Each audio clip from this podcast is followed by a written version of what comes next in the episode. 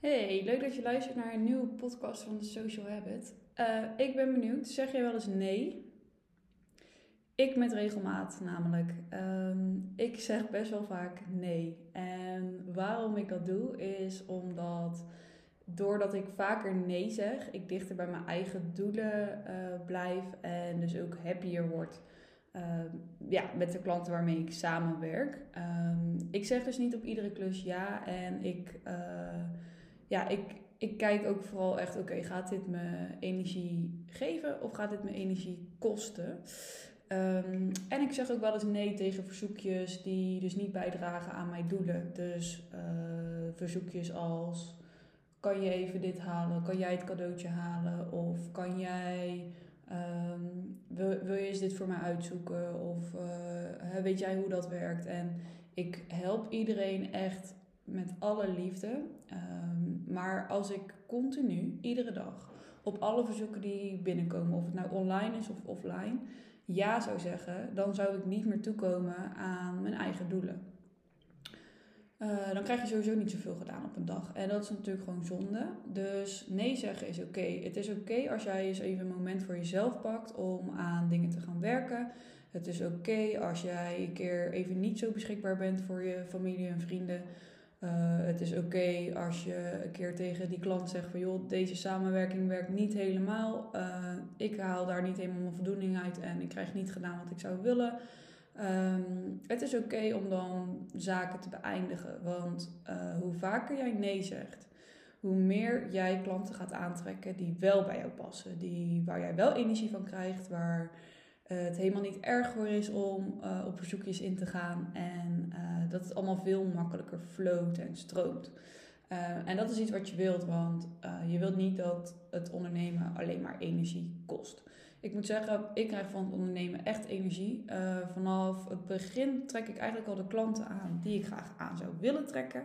Um, en ze worden ook komende tijd steeds scherper, omdat ik mijn ideale klant ook steeds scherper krijg. Uh, en dat is waar het eigenlijk bij begint. Dus um, vaker nee zeggen uh, en weten wie jouw ideale klant is. Want je kan nog zo vaak nee zeggen. Maar als jij niet weet wie je wilt bedienen, dan ja, ga je ook niet die persoon vinden. En blijf je dus continu nee zeggen. En met nee zeggen bedoel ik niet dat je alle opdrachten uh, moet afslaan. Um, maar ik vind wel dat je nee moet zeggen tegen de opdrachten die niet in lijn liggen uh, met waar jij voor staat en waar jij voor wilt gaan. Um, als ik mezelf even als voorbeeld pak, ik uh, zit natuurlijk heel erg op het aanleren van uh, nieuwe gewoontes en ondernemers beter leren zichtbaar te zijn door middel van kennisdeling en een stukje coaching. En wat ik dus niet doe, is het volledig uit handen nemen. En ik krijg wel eens met regelmaat de vraag van kan jij, uh, die, uh, kan jij voor onze social media bijhouden? Of zou jij een paar berichtjes voor deze klant kunnen maken? Of kunnen we jou hiervoor inzetten? En dan verkoop ik met regelmaat nee. en dat is niet omdat ik niet het geld wil of dat ik uh, niet wil werken. maar dat is omdat ik zo sterk voor ogen heb wat ik wil en op wat voor manier ik mensen wil helpen. En ik geloof daarin dat daar markt voor is dat ik dus automatisch nee zeg tegen dat soort aanvragen. En er zijn genoeg mensen die dat wel op die manier doen. Dus dan verwijs ik ze graag door naar iemand die daar energie uit haalt. Maar ik krijg niet de energie door jouw verhaal te gaan vertellen. Ik krijg energie door jou te leren hoe je dat verhaal moet gaan vertellen. En hoe je dat zelf veel beter en makkelijker kan gaan doen. Um, dus door nee te zeggen, schep je eigenlijk voor jezelf um, ja, veel meer plezier. En uh, ja, als je dus helemaal weet wie die ideale klant is en je daar je communicatie op gaat richten, dan ga je ook zien dat daar leukere respons op komt. En dat ik dan een keer iemand die dan een aanvraag of een kennismaking met mij inplant. En die vertelt dan over zijn business en wat ze doen. En het is altijd, iedere keer is het weer in lijn met wat ik zelf ook leuk vind of wat ik mooi vind. En Um, ik krijg echt, echt hele uiteenlopende ondernemers, dus uh, in, uit allerlei branches. En dat is wat voor mij het ook zo leuk maakt, want ik, ik, wil me ook niet, maar, niet richten op één branche. En in mijn communicatie richt ik me dus ook niet alleen maar op één type uh, ja, onderneming, maar gewoon vrij algemeen. Um, maar ik heb wel, eh, eh, wat ik ook wel heel erg grappig vind, want kijk, je branding speelt er natuurlijk ook in mee, is dat wat ik zelf zie, is dat ik heb alles heel paars en heel vrouwelijk, maar ik trek nog best wel veel mannen aan. en uh, dat vind ik eigenlijk heel grappig.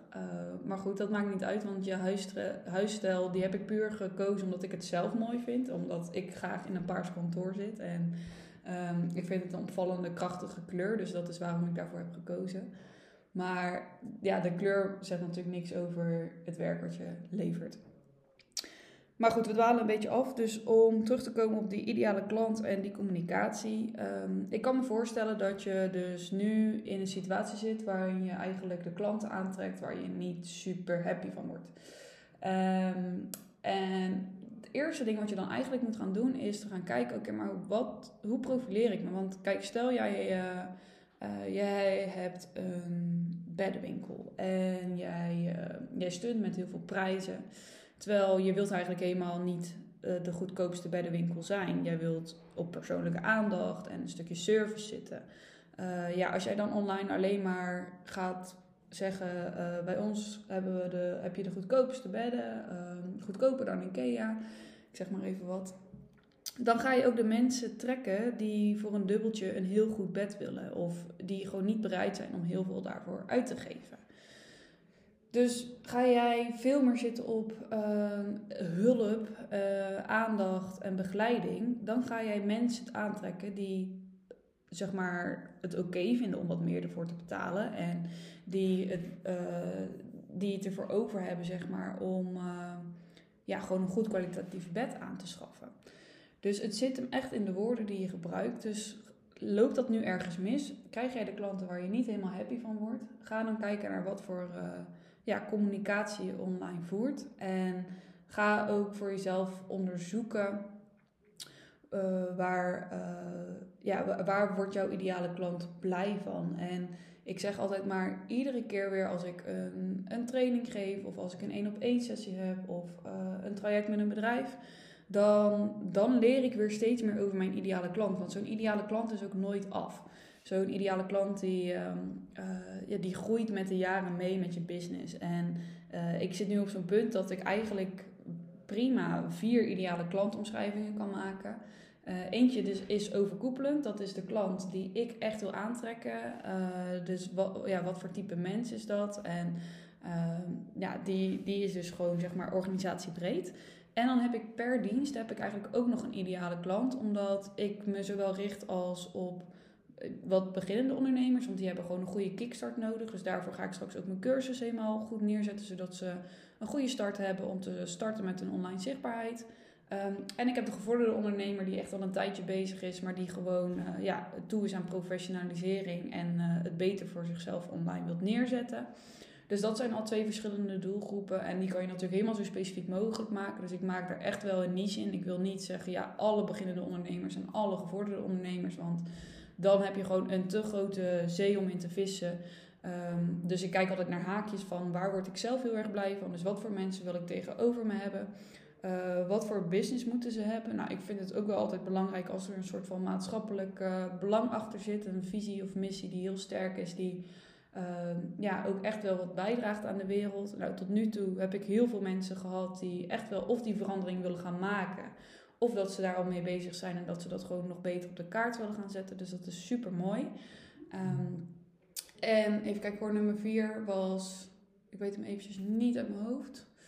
Dat is wel even slecht, want ik ben er van de week ben ik ook pas mee bezig geweest. Maar uh, in ieder geval, ik kwam op vier omschrijvingen uit en uh, dat, dat is helemaal goed. Dat is ook oh, bedrijven. Ik vergeet, ja, bedrijven vergeet ik. Dat is natuurlijk net uh, de ondernemers waar ik op zit. Dat zijn bijvoorbeeld zelfstandige ondernemers.